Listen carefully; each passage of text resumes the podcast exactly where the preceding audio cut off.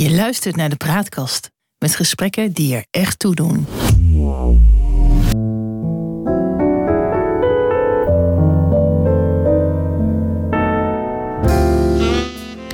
Welkom bij de Praatkast.nl. Dit is een aflevering van het Geheugenpaleis. Mijn naam is John Knierim en samen met Han van der Horst maken we deze podcast. De geschiedenis die herhaalt zich nooit, maar rijmen doet hij vaak wel.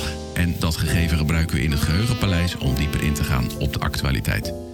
Zo gaan we de waan van de dag voorbij en bereiken we de kern van het nieuws. We scheppen orde in de maalstroom van berichten die het zicht op de grote lijn belemmeren. En tussen beiden blijkt dat de werkelijkheid vaak genoeg elke fantasie te boven gaat. En daarvan uh, geeft Frankrijk misschien wel wat voorbeelden uh, te zien. Jij zit daar uh, al een paar weken nu. En, ja. en dan midden in de revolutie krijg je wel eens de indruk als je de media in Nederland leest. Ja. Ja, weet je, je, je, duwt, je, je doelt natuurlijk op de protesten naar aanleiding van de voorgestelde verhogingen van de pensioenleeftijd van 62 naar 64 jaar in 2030. Dat bedoel je toch, of niet? Dat bedoel ik, ja. ja. En ja. hoe daar heel uh, Parijs voor is lam gelegd. Hoe ja. honderdduizenden mensen op straat uh, waren. Hoe de studenten zich niet onbetuigd lieten. Ja, nou, ik zit uh, in het zuiden van Frankrijk. en daar krijgen we er heel weinig van mee. Wat ik erover weet, dat weet ik ook uit de Nederlandse en uit de Franse pers. Maar je moet je voorstellen dat Frankrijk natuurlijk een land is... dat is of op vakantie, of het is weekend, of ze zijn aan het staken. Om het maar even een beetje uh, als een grapje te vertellen. Er wordt hier heel veel gestaakt. Dus wat dat betreft maakt dat gewoon uit, deel uit van hoe de Fransen leven. Dus heel veel Fransen halen hun schouders daar ook over op.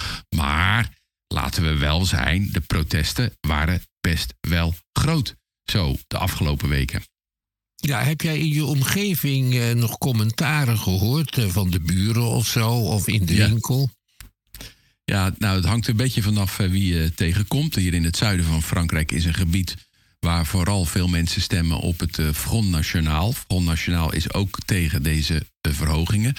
Dus de partij van Marine Le Pen, die wordt wel gezien als een extreemrechtse partij, alhoewel zij de laatste jaren erg probeert om wat salonveeriger te worden, om het zo te zeggen.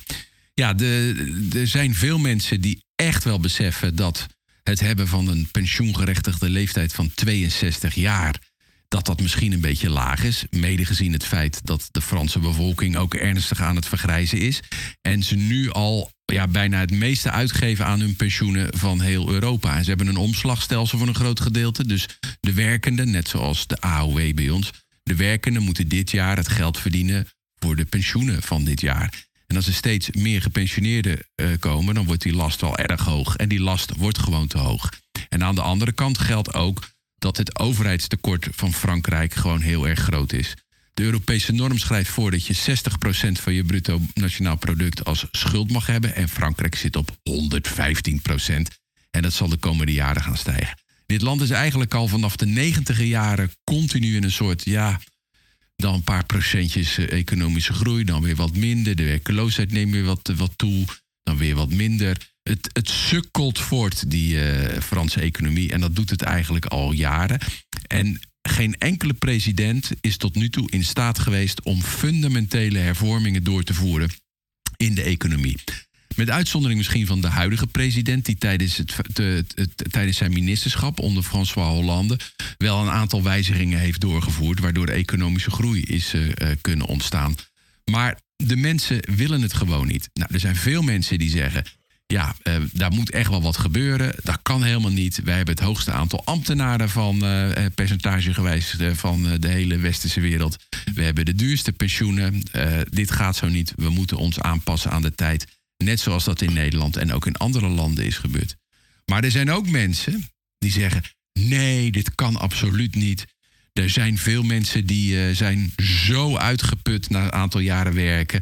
Uh, die kunnen dat echt niet aanlaten met pensioen. En de inkomens zijn al zo laag. En nou ja, allemaal de discussies die we zelf in Nederland ook hebben gehad. Waarom we toch vooral niet uh, later met pensioen zouden kunnen gaan. En ja, dat, dat is een beetje uh, verdeeld. Als je kijkt naar de opiniepeilingen daarover, dan is het overgrote gedeelte van de Fransen wil niet later met pensioen. Maar er wordt niet bij gezegd wat de consequenties daarvan zijn. Namelijk dat je op andere uitgaven zou moeten beperken, op sociale uitkeringen, op nou ja, de belastingen misschien zou moeten verhogen. En dat willen de Fransen ook niet.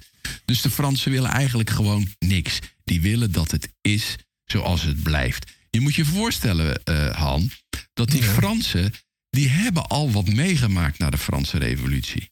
Weet je, Napoleon is uiteindelijk, uh, die kwam na de Franse Revolutie. Dus, dus ze vinden toch dat ze eigenlijk aan de oorsprong staan van, van de westerse manier van leven. Maar ja, dat is door Napoleon allemaal weer bruut verstoord, die toch weer een keizer werd. En, en nadat Napoleon verslagen wordt, die wordt overigens best met, met, met uh, nou ja, zoals tegenwoordig de Russen weer naar Stalin kijken, zal maar zeggen.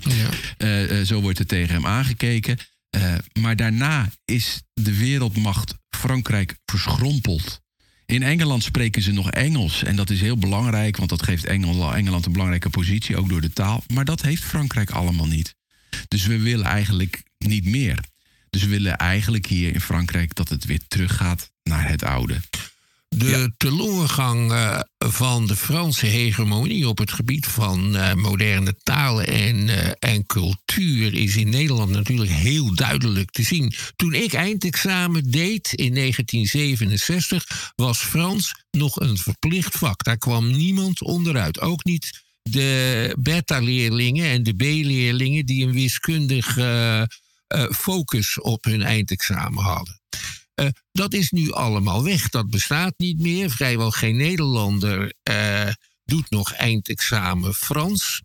Uh, in Parijs proberen ze zich een beetje met Engels te redden. Franse tv-series zie je haast nooit meer. Er zijn heel weinig Franse artiesten die nog in, in Nederland volle zalen trekken. Ik denk dat die ook nog bezocht worden in het algemeen als komen door, uh, door heel erg uh, oud-gedienden. En dat zie je wereldwijd. Toch zijn er nog steeds heel veel mensen die, die Frans spreken in de wereld. vooral in een aantal voormalige koloniën in Afrika en in Oceanië. En in Parijs is ook nog steeds een eh, ministerie van de, voor de francofonie, die het spreken van Frans probeert te bevorderen. Ja. En Frankrijk was ook een van de eerste landen die met een wereldzender uh, via de satelliet begonnen. Dat is uh, eh, TV5. Uh, die ook bedoeld is om de Franse cultuur te verbreiden. Ja. En als je een kabelaansluiting hebt, kun je op TV5 vaak films zien met Nederlands onderschrift. Ja, dat klopt. Uh, ze zijn uh, in Frankrijk. Houden ze van hun land, houden ze van hun cultuur en houden ze van de taal. En ze hebben bijvoorbeeld een, een wet aangenomen, al in de tachtige jaren, dat van de muziek die gedaaid wordt op de Franse radio, minimaal 40% moet voldoen aan, aan het Frans. Dus dat moet Franse muziek zijn. En dan binnen die 40% moet er ook weer een bepaald percentage voor nieuwe artiesten zijn. En wat je ziet is dat dat een enorme impuls gegeven heeft aan die Franse cultuur en aan Franse muzikanten. Uh, ze hebben ook een hele levendige uh, uh, cultuur op het gebied van, van film. Er verschijnen eigenlijk best veel Franse films. Ook op Netflix is daar best het een en ander van te vinden. Ja, ik hou daar zelf enorm van, want het gaat wat voorbij aan dat geheig in, uh, met die Amerikaanse films. Uh, de snelheid die daarin zit en, en dat echte Amerikaanse leven. Het is heel Europees. Het zijn vaak wat andere thema's. Het is vaak grappig, wordt goed ingeacteerd. Ik vind dat wat dat betreft de Franse cultuur veel te bieden heeft. En als je hier in Frankrijk een schrijver bent, ja, dan, dan, dan kom je gewoon in het acht uur journaal. En dan mag je komen vertellen over je boek. En wordt er naar je geluisterd. Uh, en intellectuelen, die zijn belangrijk. En wij kijken daar in Nederland allemaal een beetje, ja, een beetje op neer. Ja, en dat is heel erg dom. Uh, wat er in Nederland ook heel erg uh, gebeurt, is het onderschatten van Frankrijk. Frankrijk is een beetje een raar land waar je met vakantie naartoe gaat, naar de Dordogne en zo. en je laat je verder voorlichten door een of andere idioot met een baard die zegt dat hij zoveel verstand van wijn heeft. Ja, je bedoelt op die Ilja Gort. Ja, ja. ja dat is wel ja. een beetje de opinieleider uh, wat, wat Frankrijk betreft. Ja. Terwijl er in dat land heel belangrijke dingen gebeuren. Terwijl het op het moment het enige EU-land is met een functionerende atoommacht. Ja. Uh, terwijl het heel belangrijke industrieën heeft. Hè, maar men heeft de neiging bij ons in Nederland om dat Frankrijk te onderschatten vanwege dat soort demonstraties. En vanwege de hele zware stromen waar die president Macron tegen op moet uh, roeien. Vraag je aan jou, als ik nou zeg die president Macron is een soort mannelijke kaag, klopt dat?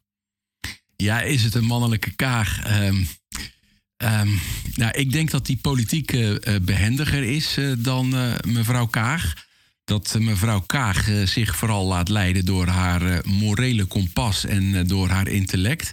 En al gauw vindt dat iemand die met haar in gesprek gaat, ehm, ja, het eigenlijk niet waard is om daarmee in discussie in te gaan. Daar heeft ze vorige week in de Tweede Kamer nog wat van, van laten zien toen iemand wat vroeg waarom er zoveel eh, geldautomaten verdwenen uh, waren. Ja, dat, zij komt een beetje hotin over. Dat heeft Macron natuurlijk ook wel. Die wordt gezien als een wonderboy die rijk geworden is uh, in, uh, in, in de financiële sector. Daar heeft hij zijn vermogen verdiend. en uiteindelijk is hij onder een van de vorige presidenten, Hollande, minister geworden. Maar heeft Hollande een dolk in zijn rug gestoten. En dat wat dat betreft zou lijkt Kaag dan misschien ook weer uh, wat op hem, omdat zij feitelijk Rutte natuurlijk al een keer uh, een, een mes in zijn rug heeft geduwd. Maar goed, die Macron heeft dus Hollande, toen hij onder Hollande diende, gezegd: ja, ik ga gewoon voor mezelf beginnen. En heeft vervolgens de verkiezingen gewonnen. Dat heeft Kaag nog niet gedaan. Als je het hebt, gaat hebben over het ideeën, over het gedachtegoed. Uh, Macron komt eigenlijk voort uit de Socialistische Partij daar. En ja. is met zijn, zijn movement en marche uh, uh, ja, wat meer naar het midden opgeschoven.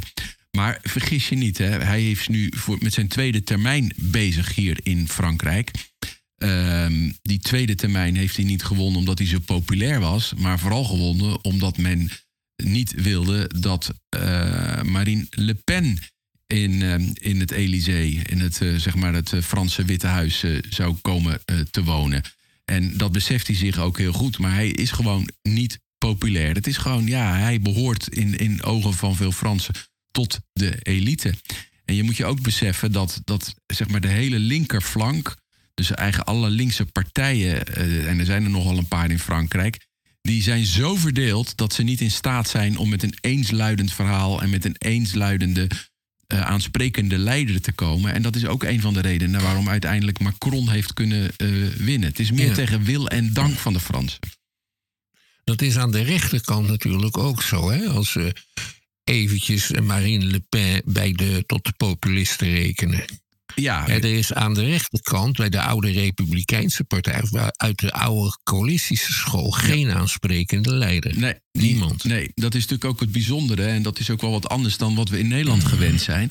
Daar hebben we toch, ja, eigenlijk tot de afgelopen jaren natuurlijk een aantal partijen gehad die, die al heel lang meededen.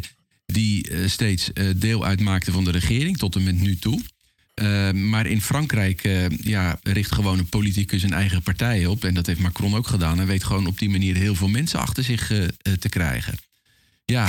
Toch, toch waren er ooit in Frankrijk heel oude en stabiele partijen. Bijvoorbeeld ja de Sociaaldemocraten. Die heette trouwens, als je het vertaalt, oorspronkelijk de Franse sectie van de Arbeidersinternationale. Ja.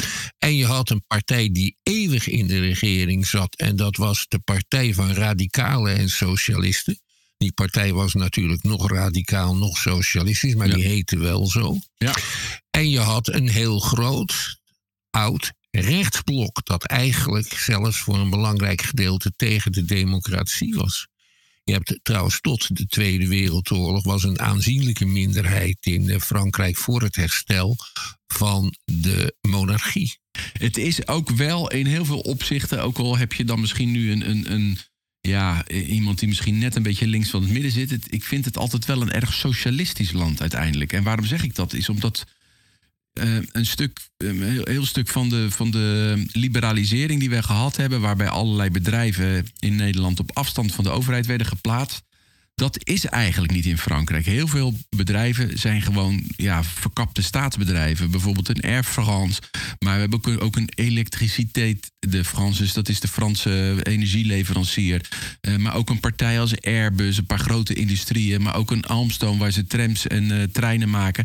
Dat zijn eigenlijk partijen die voor een groot gedeelte toch wel weer terug te voeren zijn op, op de staat. Uh, en dat is wel bijzonder aan, aan Frankrijk. En wat hier ook nog geldt, is dat de vakbonden van oudsher een hele belangrijke positie eh, innemen in, eh, in, in de relatie tussen de werkgevers en de werknemers. En dat kennen wij ook volstrekt uh, niet, niet meer. En nou ja, heel veel mensen zullen zeggen: ja, dat is precies de reden waarom Frankrijk zo is achter gaan lopen. Het is overigens nog steeds een van de grootste economieën van de wereld. Laten we dat vooral niet vergeten. Um, en, en anderen zullen zeggen: ja, kijk, dit is waarom het in Frankrijk werkt. Ook, ook bijvoorbeeld de, de, attitude ten opzichte van werk in Frankrijk is gewoon anders hier. Um, de, ik denk dat dat iets te maken heeft, maar misschien kan jij daar wat over zeggen, met, met, met ja, zeg maar, de, de katholieke achtergrond. Terwijl wij toch meer in Nederland wat meer protestant zijn.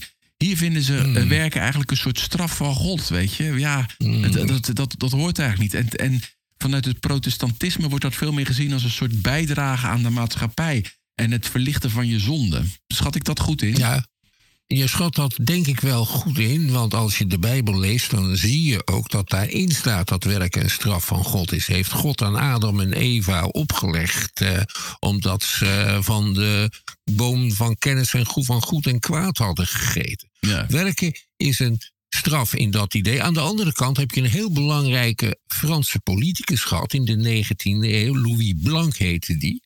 Een tijdgenoot van Karl Marx en die heeft het recht op arbeid geformuleerd. En er zelfs voor gezorgd dat bij een van de vele Franse revoluties, die van 1848, dat recht op arbeid in de wet werd verankerd. Ja. Ja, dus... En daar is het verder niet zo lang gebleven, maar dat is een belangrijke gedachte. Ja. En Frankrijk heeft ook een, een lange, sterke autoritaire traditie. Ja. En wat jij socialisme noemt. Het zou je etatisme moeten noemen, misschien. Etatisme is inderdaad, naar mijn idee, beter. Dus de rol van de staat in de economie is, uh, is heel belangrijk. En die is ook. Uh, en wat dat betreft heeft Frankrijk ook weerstand geboden aan het uh, neoliberalisme. Ja. bedrijven als Renault bijvoorbeeld, dat zijn ook in feite staatsbedrijven. Ja. Van Peugeot en Citroën weet ik het niet, ik geloof het niet. Maar dat uh, is, wordt in Frankrijk ja, de normale situatie uh, ge gevonden. Ja. Een, een, staat die zich met alles bemoeit. Dat is een beetje de traditie van, uh, van koning Lodewijk XIV uit de 17e eeuw. Die mm. zei, de staat, dat ben ik. En zeg maar de grote, niet de grondvester, maar iemand die het absolutisme uh, het meest professioneel heeft doorgevoerd. En je vindt dat net zo erg bij, uh, bij keizer Napoleon, die zich echt overal tot in de details mee bemoeide. Ja. Daar kan ik je een voorbeeld van geven. Hij is in de slag bij Waterloo zijn tas kwijtgeraakt. En die tas is door een Nederlandse uh, soldaat gevonden en die berust nu in het Rijksarchief. En als je daar een rondleiding krijgt, uh, en vooral als het Fransen zijn, dan wordt die tas getoond. Die staat gewoon, die staat niet, niet helemaal op een verhoog of zo, maar die staat gewoon tussen de andere oude stukken. Dat vinden ze leuk, die wordt er dan tussen uitgeplukt. En Napoleon moest bepalen zelf, ja, wie er krankzinnig verklaard uh, uh, moesten worden. Want de keizer moest dat goedkeuren. Ja. En daar moest hij zich mee bezighouden tijdens de slag bij Waterloo. En... Zo centralistisch en zo autoritair zat dat in elkaar. Ja. ja, en de Fransen willen ook gewoon graag dat de staat voor, uh, voor hun, hun zorgt. Er is wel eens ja. een presidentkandidaat die de verkiezingen verloren heeft. toen die zei: van ja, de staat kan niet alles voor u regelen. Maar ook bijvoorbeeld als je hier consument bent. en, en dan, uh, ik moet zeggen, ze zijn uh, qua internet denk ik wel wat verder dan, dan wij. Als ik zie uh, hoe, hoe, de sites van bedrijven er bijvoorbeeld uitzien. Maar als ik hier bijvoorbeeld naar mijn, mijn elektriciteitsrekening kijk. Ja, en, en voordat je een contract gesloten hebt, wat voor papieren je allemaal niet moet tekenen, waar je doorheen moet worstelen. En hoe je beschermd wordt als consument. En uh, nou ja, het is een, ook een overgebureaucratiseerd uh, uh, land natuurlijk. Nog veel meer dan dat wij dat zijn. En ze houden elkaar natuurlijk ook gewoon ja, in die zin wel ernstig bezig. Ander punt is natuurlijk dat, dat ehm, de inrichting van de staat. Wij kennen natuurlijk een, een, een, een, een parlement. En, en, en het parlement geeft vertrouwen aan een kabinet. En binnen dat kabinet wordt er dan een primus inter pares gekozen. En die noemen we dan de premier. Dat is iets wat eigenlijk zo in de loop van de tijd is ontstaan.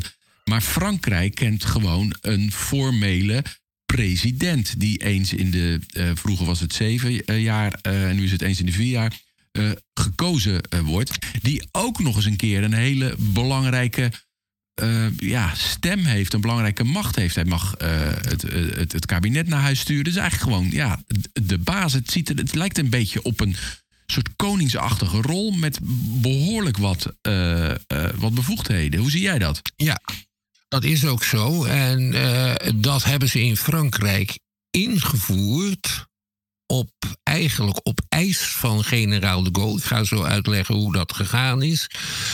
nadat ze van 1870 tot 19 58 systemen hadden gehad, met uitzondering van de Duitse bezetters, die heel erg leken op het Nederlandse. Dus met een, een president die een, uh, met, een, met een formele rol en regeringen die verantwoording moesten afleggen aan het parlement. En die regeringen die hielden dat nou, als ze het twee jaar uithielden, was het heel erg lang. Dus, ja. uh, dus Frankrijk rolde van de ene regeringscrisis in de andere. Het waren wel dezelfde uh, politici meestal die dan weer een andere coalitie uh, vormen. Maar dat was een enorme instabiliteit. Ja. Na de bevrijding kwam de Gaulle uit, uit Londen terug. En die was niet van plan in zo'n systeem te functioneren. Ze hadden een baantje voor hem. Hij moest de symbolisch president van Frankrijk worden. Toen zei Napoleon, of toen zei Napoleon dat, die fout maak ik niet voor niks. Hè. Toen, uh, toen zei de Gaulle dat hij daar niet van gediend was. Ja. En hij ging thuis zitten mokken in Colombey-les-Deux-Églises. Zijn een geboortedorp. Uh, terwijl hij tegelijkertijd een politieke partij aanstuurde die voor een Franse staatshervorming was. En in 1958 dreigde er in Frankrijk een burgeroorlog. Die burgeroorlog had te maken met een koloniale oorlog die gaande was in Algerije.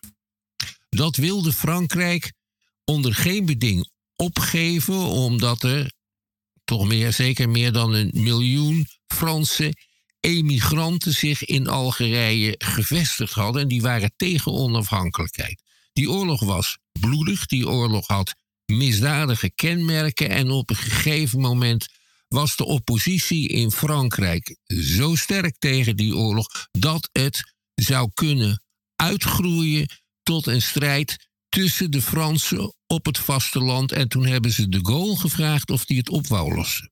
En dat heeft hij gedaan? De Gaulle, dat heeft hij gedaan. Hij zei, maar dan moet er een nieuwe grondwet komen. Ik wil eerst alle volmachten, heeft hij gekregen. Ja. Dan moet er een nieuwe grondwet komen. Hij is op de televisie verschenen. En daar zei hij, Français, je vous ai compris. Ja. Hij zei dus, ik heb u begrepen. Ja. ja. Daarna heeft hij onmiddellijk de hele Franse decolonisatie op gang gebracht. En hij liet een nieuwe grondwet samenstellen, waarbij de president zeven jaar aan de macht bleef, de regering benoemde, exclusief het buitenlands beleid deed en nog veel meer andere bevoegdheden had. Uh, de enige invloed van het parlement, wat zo weinig te doen had dat het maar een paar maanden per jaar vergaderde, de enige invloed uh, was op het budget. En verder moest de, uh, de regering altijd een meerderheid achter zich hebben in het parlement. Maar de regering werd ook, ondanks dat, altijd benoemd door de president. Ja. Dus dat maakte uh, van uh, de Gaulle een dictator. Hij deed nog iets. Hij voerde het referendum in. Of tenminste, hij ging het referendummogelijkheden gebruiken. Dus bijvoorbeeld zo'n belangrijke zaken, zoals de onafhankelijkheid van Algerije enzovoort, Ja. referendum. Dan verscheen de Gaulle s'avonds op de televisie voor het referendum en hij zei als dit referendum met nee, de nee de meerderheid eh, krijgt, dan treed Zo ik af. manipuleerde die de uitkomsten. Maar de Gaulle had de, de stabiliteit in Frankrijk hersteld. Eh, er begon een enorme welvaartsgolf. Ja. Dus de, die won de Gaulle, die, eh, die referenda. Ja. 1968 heeft hij zijn allergrootste verkiezingsoverwinning behaald. Na Parijs 1968, de beroemde studenten- en jeugdrevolutie. Ja. Daar, heeft, eh, daar heeft Frankrijk heel stevig op gereageerd. Dat heet La France Profonde, het diepe Frankrijk. Ja. Die hebben de Gaulle zijn allergrootste meerderheid gegeven. Ja. Na een jaar was er weer enige oneenigheid in zijn eigen partij. En toen schreef hij een referendum uit over een, een heel een onderwerp regionalisering van het bestuur. Hij verscheen op de tv. Als u nee zegt, dan treed ik af. En toen was En het zeker nee. Ja. En toen was het nee. Ja. En toen is hij opgevolgd door zijn tweede man, Pompidou. Pompidou. Ja. En hij is verder zijn memoires gaan schrijven. Ja. Maar de Gaulle heeft dit systeem met, met eh, een monarchale president... Ja. heeft hij eh, ingevoerd. Dat bestaat nog steeds. En er was had ook een beroemde tekenaar, politieke tekenaar... in de jaren 60 die de Gaulle ook altijd tekende als koning Lodewijk XIV... met een pruik en hoge hakken. Ja. Hm. ja, daar lijkt het inderdaad eh, wel op. Ehm, Ja. Voor Macron geldt eh, op dit moment dat hij een parlement tegen zich over, tegenover zich heeft... eh, waarin hij niet de meerderheid heeft. Dus hij moet coalitie sluiten om uiteindelijk eh, plannen wel aangenomen te krijgen. Maar er zit ook een achterdeurtje in de wet... die in bijzondere omstandigheden de president in, in staat stelt... om het parlement buiten werking te stellen. En dan rest uiteindelijk alleen nog maar een motie van wantrouwen... om het kabinet naar huis te sturen. Ehm, en, en daar is al een paar keer gebruik van gemaakt. Daar mag je per jaar drie keer gebruik van maken. En dat zal hij waarschijnlijk ook gaan gebruiken om deze pensioenhervormingen doorgevoerd te, te krijgen. Alhoewel inmiddels ook wel bekend is eh, geworden dat eh, zijn eh, president of zijn premier, mevrouw Elisabeth Borne, bereid is om die hele aanpassing van de pensioenwet wat te matigen. Ze willen het niet van 62 naar 64, maar naar, twee, naar 63 jaar verhogen in 2030. God beter het. Ik vind dat ze wat dat betreft echt geen durf eh, tonen, die Fransen. En een beetje de kop in het zand eh, steken. Maar ja, Macron gaat waarschijnlijk dan toch buigen voor, eh, voor de publieke opinie. En, en dat vind ik wel een beetje afbreuk doen aan zijn, zijn leiderschap, moet ik zeggen. Hoe zie jij dat? Ja, het is, het is ook een vorm van pragmatisme natuurlijk. Ja. eh, want als het buigen of barsten is, dan moet je wel buigen. Zou jij op hem stemmen als je Fransman was? Ja, ik be- ben vanaf het begin af aan wel enthousiast over hem eh, geweest. Omdat hij toch probeerde een nieuwe weg eh, te vinden. En het probleem is natuurlijk dat dit soort mensen die een nieuwe weg proberen te vinden, altijd weer gewoon vastlopen in het systeem. Wat sterker is dan degene die daarvan deel uitmaakt. En dat Ja, natuurlijk vaak in heel veel landen. Ja. Ah, Denk je dat hij de capaciteiten heeft om zo'n zware taak te vervullen? Kijk, van de Gaulle weten we eh, dat hij die capaciteiten had. En dat hij Ja. ook wist waar zijn grenzen lagen, behalve die ene laatste keer. Er werd op een gegeven moment werd, eh, hem gesuggereerd om Jean-Paul Sartre, die heel erg revolutionair en anti-staat was op een Mhm. gegeven moment, om Jean-Paul Sartre te arresteren. En een Oh. proces aan te doen. Maar dat heeft hij niet zeker. Nee, de Gaulle zei. Een Voltaire arresteert men niet. Ja, dat is dan wel weer goed. Dan heb je dat goed ingeschat. Ja, ik weet het niet. eh, of of eh, hij heeft natuurlijk niet de statuur van een, eh, van een de Gaulle. Ik denk dat dat ook niet meer kan in, in deze tijd. Ik heb pas een documentaire over hem gezien... waarin hij gevolgd wordt in aanlopen... eigenlijk als, als, als Frankrijk voorzitter wordt van de Europese Unie. En dat is toevallig gelijk... eh, loopt dat met de aanloop naar de oorlog zoals we die in Oekraïne kennen. En dan zie je hem aan het werk. Ja, het is een hele Ja. intellectuele man... die wat mij betreft wel trekjes vertoont van een zonnekoning. Maar ik denk dat je dat in die positie ook een beetje moet hebben. Ehm, maar die ook een visie heeft. Kijk, ehm, Ja. in, in Nederland, ik, ze moesten erg lachen toen ik het eh, tegen de buren vertelde. Ik zeg, ja, ik vind dat Macron visie heeft. Wij hebben een premier die zegt dat als je visie hebt, dat je een bril moet gaan kopen. Eh, maar Macron, die heeft echt een idee over een Ja.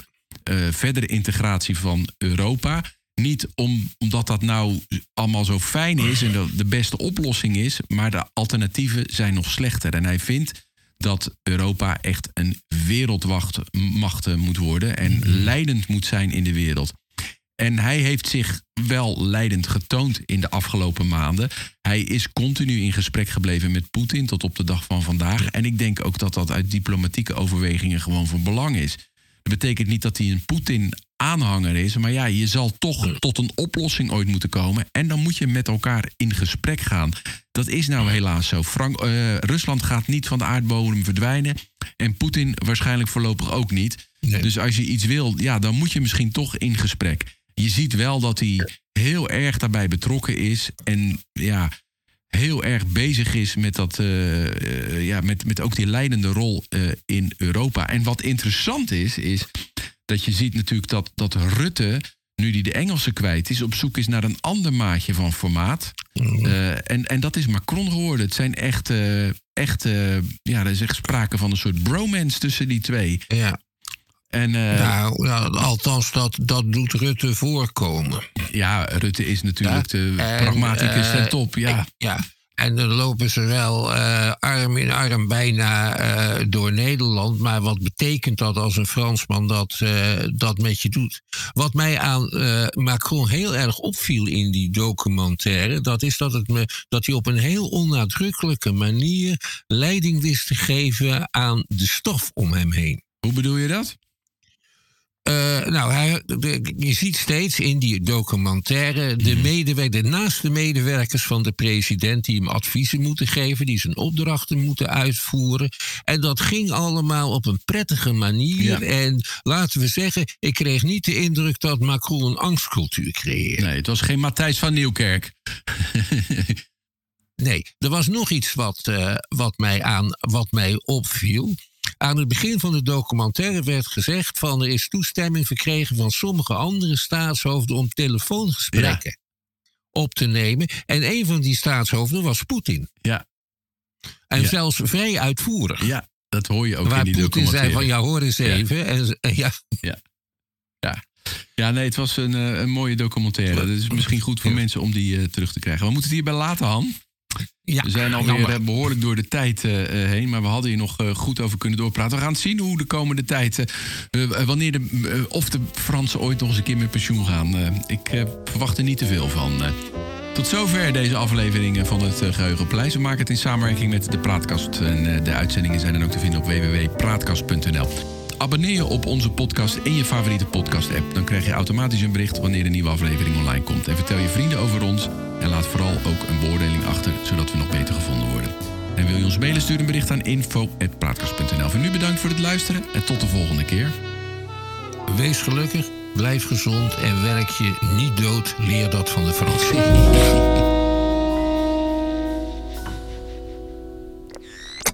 De praatkast.